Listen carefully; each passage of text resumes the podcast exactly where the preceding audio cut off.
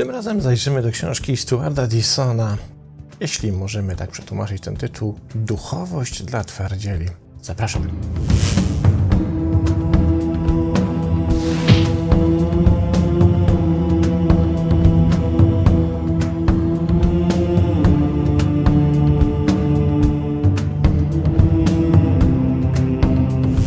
Tym razem zaczniemy od próby wyjaśnienia, dlaczego mam kłopot z tłumaczeniem tego tytułu.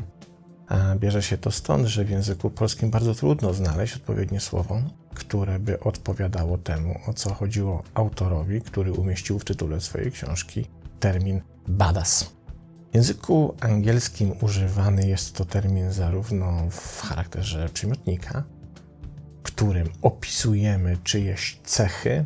Jest to ktoś zły, ale taki też twardy, nieustępliwy, idący jak burza przez życie ale również w kontekście rzeczownika, gdzie wymienia się takie tłumaczenia jak skurczybyk, sukinkot, też twardziel i tak dalej, i tak dalej. Trudno znaleźć tak naprawdę w Polsce dobry odpowiednik. Cóż mogłoby oznaczać to słowo dokładnie, ale myślę, że z treści książki będzie to powoli nam się wyjawiać.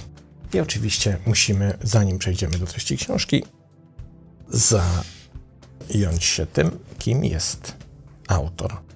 Stuart Dixon, duchowy poszukiwacz, jak pisze sam o sobie, odkrywca i nauczyciel, uczy opierając się na swoim bezpośrednim doświadczeniu. Po 29 latach interakcji z licznymi nauczycielami Zen i w takim rozumieniu niekonwencjonalnego Zen. Ma dyplom z inżynierii komunikacji na Uniwersytecie Syracuse. Był też redaktorem bloga Umysł, Ciało, Duch All Things Healing i zasiadał w zarządzie Seven Oaks Retreat Center, bezwyznaniowego duchowego centrum rekolekcyjnego w Madison. Jego pierwsza książka 21 dni Przewodnik dla duchowych początkujących z 2011 roku była światowym bestsellerem i do dzisiaj pomaga początkującym duchowym poszukiwaczom na całym świecie. Prawdę powiedziawszy, nie znalazłem tłumaczenia tej książki z 2011 roku na rynku polskim, więc prawdopodobnie nie została wydana mimo tego, że była bestsellerem. Natomiast książka, po którą sięgnąłem dzisiaj, pochodzi z 2021 roku. Nówka sztuka, dokładnie ze stycznia, a więc od jej wydania, od jej premiery, minęło zaledwie 3-4 miesiące.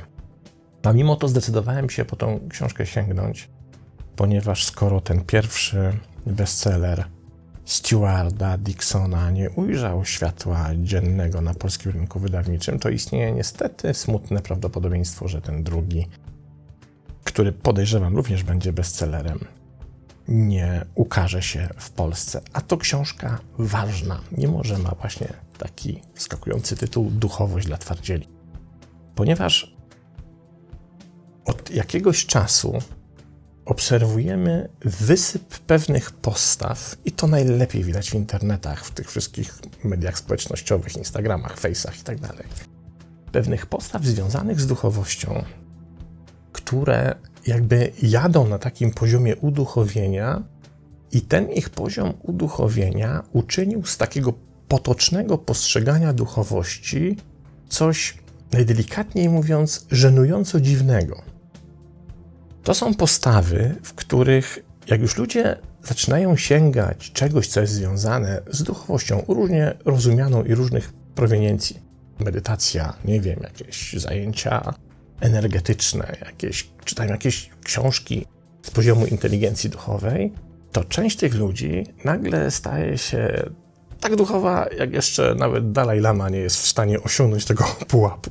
Po prostu wydaje się, że zaczynają tą duchową podróż z takim rodzajem pewnej przesady. I ta przesada jest niezwykle irytująca dla innych ludzi. Powiem szczerze, długo myślałem, czy użyć tego zwrotu, bo jednak zawiera pewien rodzaj wulgaryzmu, ale muszę go powiedzieć, ponieważ jest to zwrot, który usłyszałem od wielu różnych osób, które zwróciły na ten element uwagę. To są ludzie po prostu, którzy srają tęczą. Więc jak macie wśród znajomych facebookowych, instagramowych takich ludzi, to precyzyjnie wiecie o co chodzi.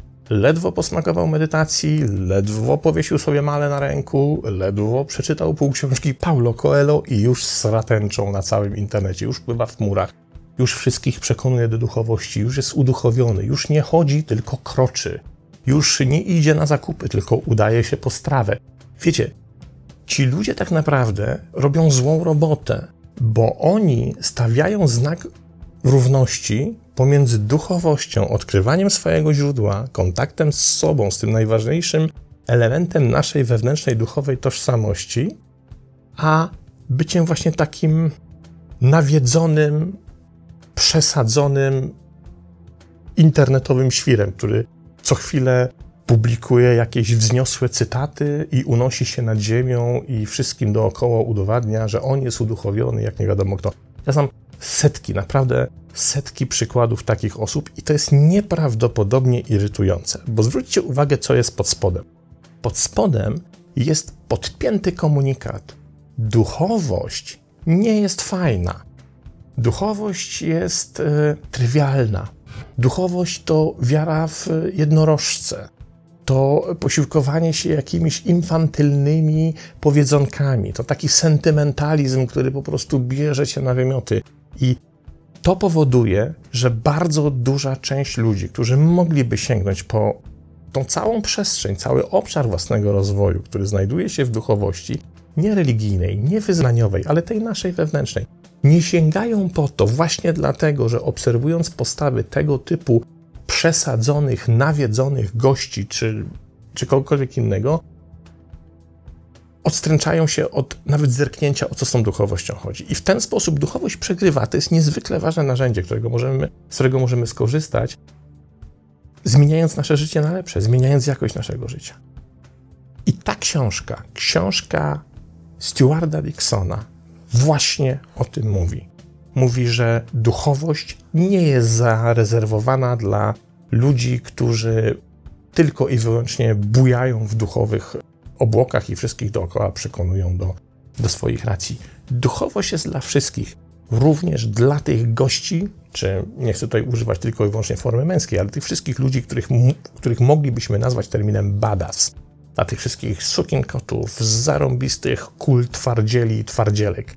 Dla tych takich super fajnych, wyluzowanych ludzi. Oni również mogą sięgnąć po duchowość, bo to wcale nie oznacza, że stracą swój luz wcale, jak pisze autor, to wcale nie oznacza, że przestaniesz nagle pić piwo w pubie.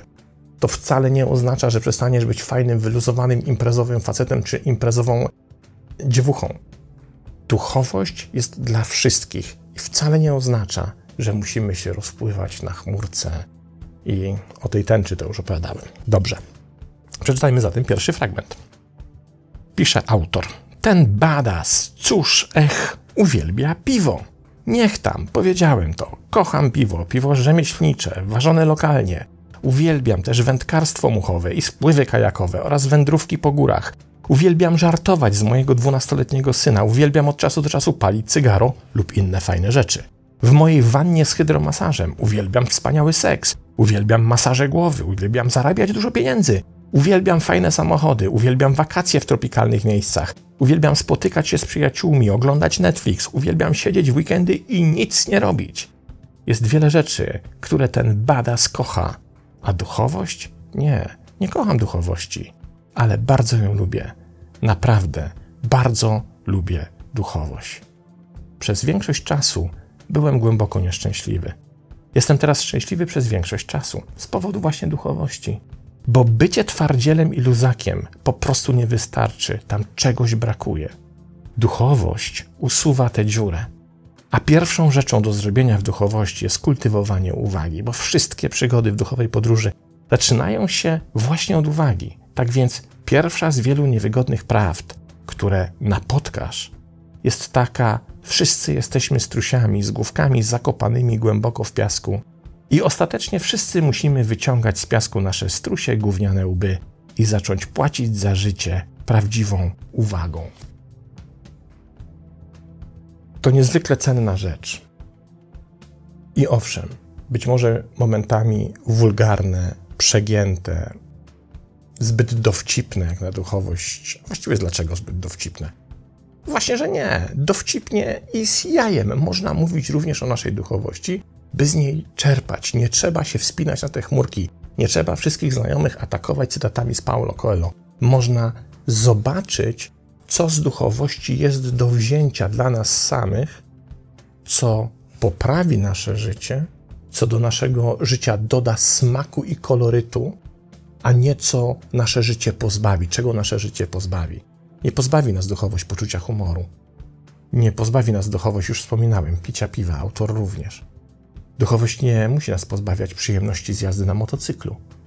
Możesz być bajkerem, dużym, łysym, z brodą i dużym brzuchem, jednocześnie osobą korzystającą w pełnym zakresie z tych wszystkich meandrów i dobrodziejstw duchowości. A jakie one są? Autor nam mówi o bardzo wielu różnych rzeczach, bardzo wielu różnych obszarach i przestrzeniach, których będąc tym badasem, tym sukim kotem, korzystać z duchowości. Ja wybrałem tylko kilka, oczywiście nie mogę opowiedzieć wszystkich, bo odcinek byłby długi w nieskończoność, a nie o to chodzi. Bardziej bym Was chciał zachęcić do sięgnięcia po tą książkę lub potencjalnych wydawców do zastanowienia się, czy nie warto jej wydać w Polsce. Ja uważam, że warto. I przyjrzymy się tylko kilku rzeczom. Pierwsza z brzegu. Kłamstwo. Posłuchajmy. Zacznijmy od objęcia uwagą pewnego procesu, którym jest kłamstwo. W 2004 roku psycholog z Cornell University, Jeff Hancock, przeprowadził eksperyment badawczy, aby dowiedzieć się, jak bardzo kłamiemy. Poprosił 30 studentów, aby śledzili ich własną komunikację społeczną, tą twarzą w twarz, przez telefon, SMS-y i maile, przez 7 dni i by każdego dnia odnotowywali bardzo skrupulatnie, kiedy w tej komunikacji kłamali i w jaki sposób kłamstwo zostało przekazane. Badanie to wykazało, że 37% komunikacji telefonicznej, 27% komunikacji twarzą w twarz, 21% wiadomości tekstowych i 14% wiadomości e-mail zawierało jakieś kłamstwo. Inne badanie naukowe dotyczące kłamstwa z 2004 roku zostało przeprowadzone przez psychologa Belle De Paulo z Uniwersytetu Kalifornijskiego w Santa Barbara. De Paulo i jej koledzy przepytali 147 uczestników o szczegóły wszelkich kłamstw towarzyszących im w ciągu tygodnia. Większość uczestników zgłosiła, że kłamała kilka razy dziennie. I teraz dochodzimy do sedna, jak się ma kłamstwo do duchowości, jaka potężna niezgodność zachodzi pomiędzy tymi dwoma rzeczami. Posłuchajmy. Najważniejsze jest to, wszyscy kłamiemy. A kłamstwo niekoniecznie jest dobre lub złe. To po prostu część bycia człowiekiem. Większość z nas angażuje się w dwa rodzaje kłamstw: zewnętrzne i wewnętrzne. Zewnętrznymi kłamstwami okłamujemy innych, wewnętrznymi kłamstwami okłamujemy siebie. O ile tylko możemy, musimy przestać okłamywać siebie i innych. To jest podstawa duchowości, to jest początek ścieżki, pierwszy krok. Staraj się zwracać uwagę na swoje kłamstwa. Najpierw je zauważ, a potem przyznaj się do nich przed samym sobą. Wreszcie postaraj się z całych sił, aby to zakończyć. Przestań przesadzać, przestań mówić półprawdy, przestań ukrywać rzeczy przed innymi i przed samym sobą. Jak się ma kłamstwo do duchowości, ten wpływ jest przepotężny. Nie da się kroczyć duchową ścieżką, nawet będąc badasem, twardzielem, popijając piwo w pawie, kiedy okłamujemy samych siebie. Na dowolny temat dowolnej przestrzeni, w dowolnym obszarze. Bo kłamstwo zawsze obróci się przeciwko nam. Taka postawa latającego na chmurce duchowości, taka postawa przesadzona, postawa sztucznej afirmacji, przecież trąci kłamstwem na 4 kilometry. Czujemy, widząc te posty, widząc, co ci ludzie wypisują w tych internetach, czujemy, że to nie jest autentyczne. Nieautentyczność, brak autentyczności i duchowość sabotują się nawzajem, dopóki jesteś nieautentyczny w stosunku do samego siebie.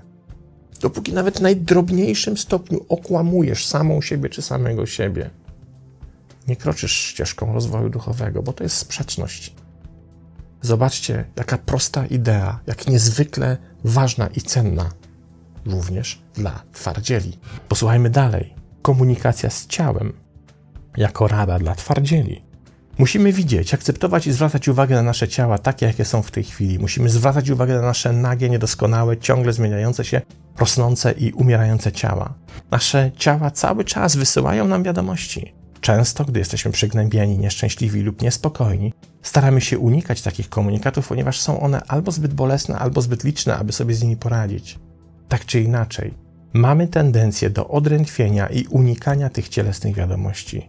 Twoje ciało przebywa wyłącznie w chwili obecnej. Twoje ciało nie zna przeszłości ani przyszłości. Twoje ciało jest bramą do chwili obecnej, to przez nie tam możesz wejść. Zwracanie uwagi na swoje ciało jest ważną częścią stania się duchowym twardzielem. Nie darowałbym sobie tego, gdybym nie przeczytał jeszcze jednego fragmentu, a mianowicie dotyczącego naszego ego.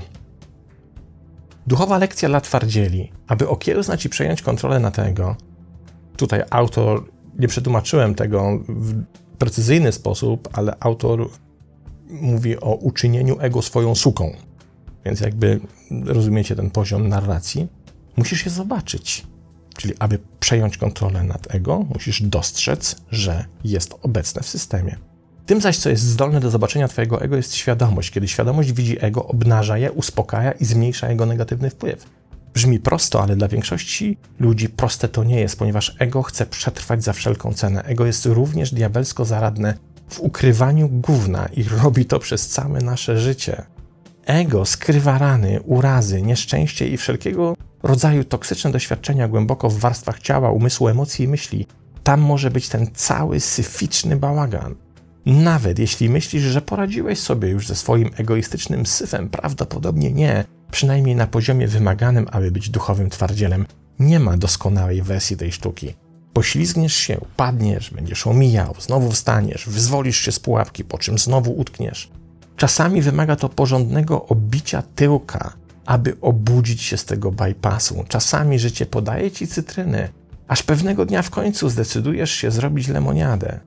Tylko błagam, nie rób kariery na stoisku z lemoniadą. To znaczy, cholera, zaufaj matematyce. Po prostu w żaden sposób nie spłacisz czynszu czy kredytu hipotecznego za pomocą 50-centowego papierowego kubka z wyciśniętym sokiem z cytryny, wody i cukru. Kim jesteś przed lemoniadą? A kim po lemoniadzie? Kim do cholery jesteś teraz? Obudź się, twardzielu. I na koniec epilog. Większość ludzi uważa, że wzrost duchowy mierzy się ilością dobrego samopoczucia, jakie mogą zgromadzić. Wiesz, wszystkie typowe składniki, bogie uczucia, radość, spokój, medytacja przez jakiś czas, współczucie, pomaganie innym, myślenie dobrych myśli, bycie pozytywnym przez cały czas, życie w teraźniejszości z wielkim, grubym, brzydkim dupkiem z torbą na głowie, uśmiechem na twarzy. Całe to gówno. A gdzie w tym prawdziwy wzrost duchowy? Prawdziwy wzrost duchowy mierzy się liczbą wulkanicznych wstrząsów umysłu, które wstrząsają ziemią, które jednoznacznie i nieodwołalnie zmieniają cię na podstawowym poziomie serca i mózgu. Prawdziwy rozwój duchowy wymaga odwagi. Prawdziwy wzrost duchowy ma miejsce wtedy, gdy zaprosisz do siebie coś znacznie, znacznie większego niż ty, a następnie pozwolisz, aby cię zdekonstruowało, zniszczyło i odbudowało od podstaw. Prawdziwy wzrost duchowy to śmierć, zanim rzeczywiście umrzesz. Przecudowna książka. Taka odczarowująca duchowość, ale mówiąca również w prostych, często bolesnych słowach, na czym tak naprawdę ta duchowość polega i w jaki sposób możemy ją rozumieć. Stuart Dixon, książka Spirituality for Badass, czyli, jak moglibyśmy powiedzieć, duchowość dla twardzieli, ze stycznia 2021 roku. Pozostaje mieć nadzieję, że nad Wisłą również kiedyś zagości. Pozdrawiam i do następnego razu.